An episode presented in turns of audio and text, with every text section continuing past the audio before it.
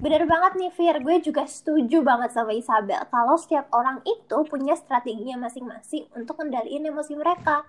Nah, kalau mm. tadi kan si Isabel itu curhat iya, terus dia juga nyari solusi juga iya. Nah, kalau gue nih tipe orang yang lebih ke curhat nih Fir. Nah, tapi gue tuh kepo nih sama Tiara, sama teman kita Tiara. Lo punya gak sih cara tersendiri untuk kendaliin emosi lo, Ti? Iya, uh, sebelumnya kenalin nama gue Tiara dari Kesos 20. Jadi tuh setahu gue ya, uh, coping mechanism tuh ada tiga gitu. Hah? Hah? Apaan tuh? Tiga-tiga itu? Coping-copingan lagi? Gue baru tahu tuh, Ti. Bisa lo jelasin nggak? Uh, yang apa sesuai yang gue baca nih ya. Jadi tuh uh, yang pertama nih ada emotion focus behavior. Jadi kayak lo ngatur emosi lo dulu buat ngadepin stresor. Stresor itu kayak yang bikin lo ngedown, yang bikin lo stres kayak gitu.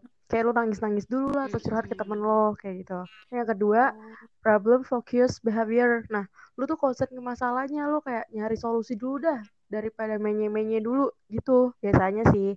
Nah, yang ketiga itu avoid dan coping.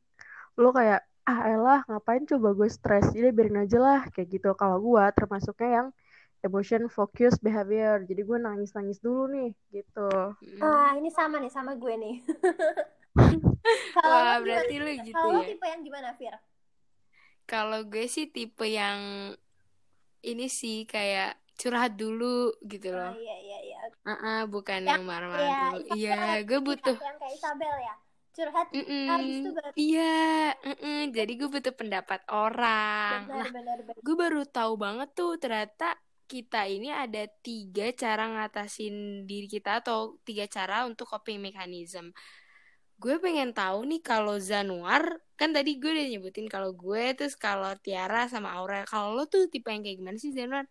Oh halo, gue Zanuar dari Kriminologi 20 Uh, gue juga baru tahu nih kalau coping mechanism itu ada tiga karena gue sebelumnya nggak hmm. pernah terlalu ngebaca ya coping mechanism itu gimana. Nah hmm. kalau dari yang tiga itu kayak lebih ke avoid sama masalahnya kayak ya udahlah buat apa sih gitu. Oh. Uh -uh. Kalau cowok itu memang cenderung gitu apa? Kalau doang sih Zan gimana sih? Uh, kayaknya enggak deh. Soalnya ada teman gue juga kalau lagi ada masalah biasanya ceritain di grup chatnya dulu kayak dia kesel-kesel lah atau misalkan bener, bener. kayak wo hmm. dulu kayak gitu bener bener bener gue juga sih iya, iya sih. kalau misalnya cara pengungkapan emosi itu nggak harus selalu perempuan gitu nggak sih maksudnya kan biasanya kan uh, nangis itu kan digeneralisir ke perempuan gitu ya. Padahal kalau misalnya cowok nangis itu kayak dianggap apa ya? Tidak terlalu laki-laki gitu. Apa kelaki-lakiannya berkurang gitu. Padahal kan sebenarnya yeah. gitu ya. Maksudnya kan orang kan bebas gitu ya Zan yang mengungkapkan ekspresinya gitu ya. Iya iya benar. Mungkin uh, karena pengaruh sosial juga kali ya. Kalau kayak dulu dimarahin kayak udah cowok nggak boleh nangis cowok nangis. Kayak gitu mungkin. betul betul betul berarti balik lagi ke respon orang-orang gak sih Zan menurut lo? Jadi maksudnya uh, respon orang-orang terdekat itu berpengaruh banget sama cara kita untuk nyelesain masalah kita cara kita coping gitu. Ya nggak sih menurut iya. Ha, mungkin karena kebiasaan dari kecilnya digituin, ntar dia uh, ke bawah nyampe gedenya gimana.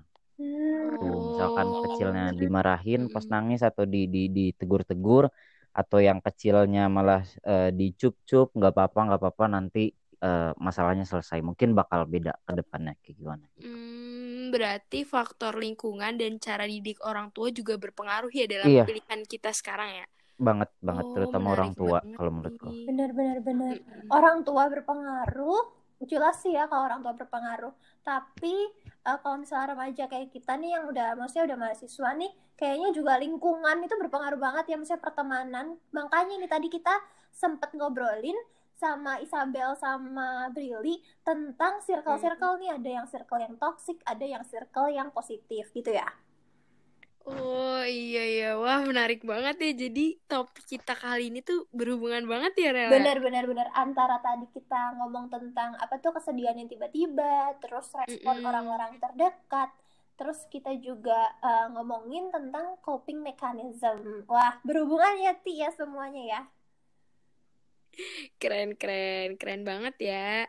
Bener banget tuh Rel, apa kata Zanuar, kalau kita itu sangat berpengaruh sama yang namanya lingkungan, terus sama yang temen, bahkan keluarga sendiri.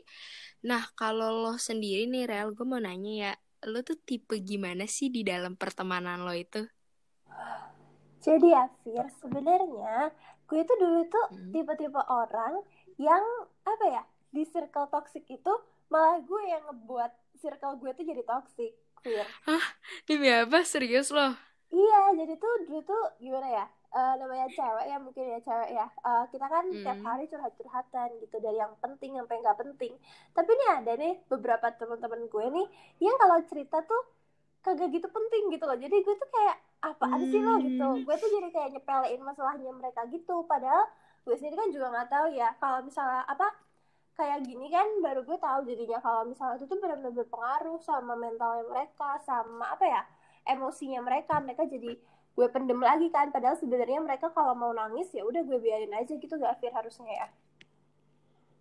Iya iya iya. Wah berarti lo tuh yang tipe ternyata lu toxic tah. Tapi gue penasaran deh gimana Betul. lu sadarnya gitu loh kalau lu tuh sebenarnya toxic Nah, jadi gue tuh baru sadar nih ya, sejak pandemi ini kan mental health tuh makin dikenal ya, Fir ya. Mm. Kayak media sosial itu tuh makin banyak banget tuh yang ngebahas tentang mental health. Nah, jadi uh, gue tuh seneng banget waktu tahu tema PSK tahun ini tuh tentang ini. Karena gue yakin di luar sana tuh masih banyak banget orang-orang yang kayak gue zaman dulu tuh yang toxic dan yang butuh banget apa ya pengenalan tentang mental health supaya mereka tuh bisa lebih nge-validation emotionnya gitu loh nggak usah dengerin orang-orang yang toxic gitu Hmm, iya iya iya berarti keren banget dong. Sangat penting ya media sosial ini sebagai pembelajaran dan pusat informasi. Dan Bener. khususnya untuk materi PSK kita kali ini. Semoga Bener aja pendengar-pendengarnya ini yang tadinya toksik nih jadi berubah dan sadar ya kayak lu ya betul Rela. dan yang mengalami apa ya mungkin uh, mentalnya apa ya uh, sedih atau emosinya terganggu atau kesehatan mentalnya mungkin lagi down nah hmm. UI ini kan juga menyediakan banyak banget media banyak banget platform untuk kita lapor untuk kita apa ya bercerita gitu gak sih Fir Hmm, bener banget nih. Khususnya di Visip juga ada loh. Kayak platform-platform yang khusus untuk kalau kita mau curhat, kalau kita mau keluh kesah itu ada kok. Bahkan bener. ada wadah yang menampungnya itu. Benar benar benar. Nah, uh, Nifir kita itu kayaknya udah banyak banyak apa dapat banyak banget insight dari pembicaraan kita kali ini. Gimana nih mm -hmm. kalau misalnya kita pamit, kita tutup aja nih podcast kita kali ini. Nah, oke okay Derel. Teman-teman semua, gue sama Aurel dan anggota kelompok 36 pamit dulu ya. Sampai jumpa di pomet selanjutnya. Kelompok 36.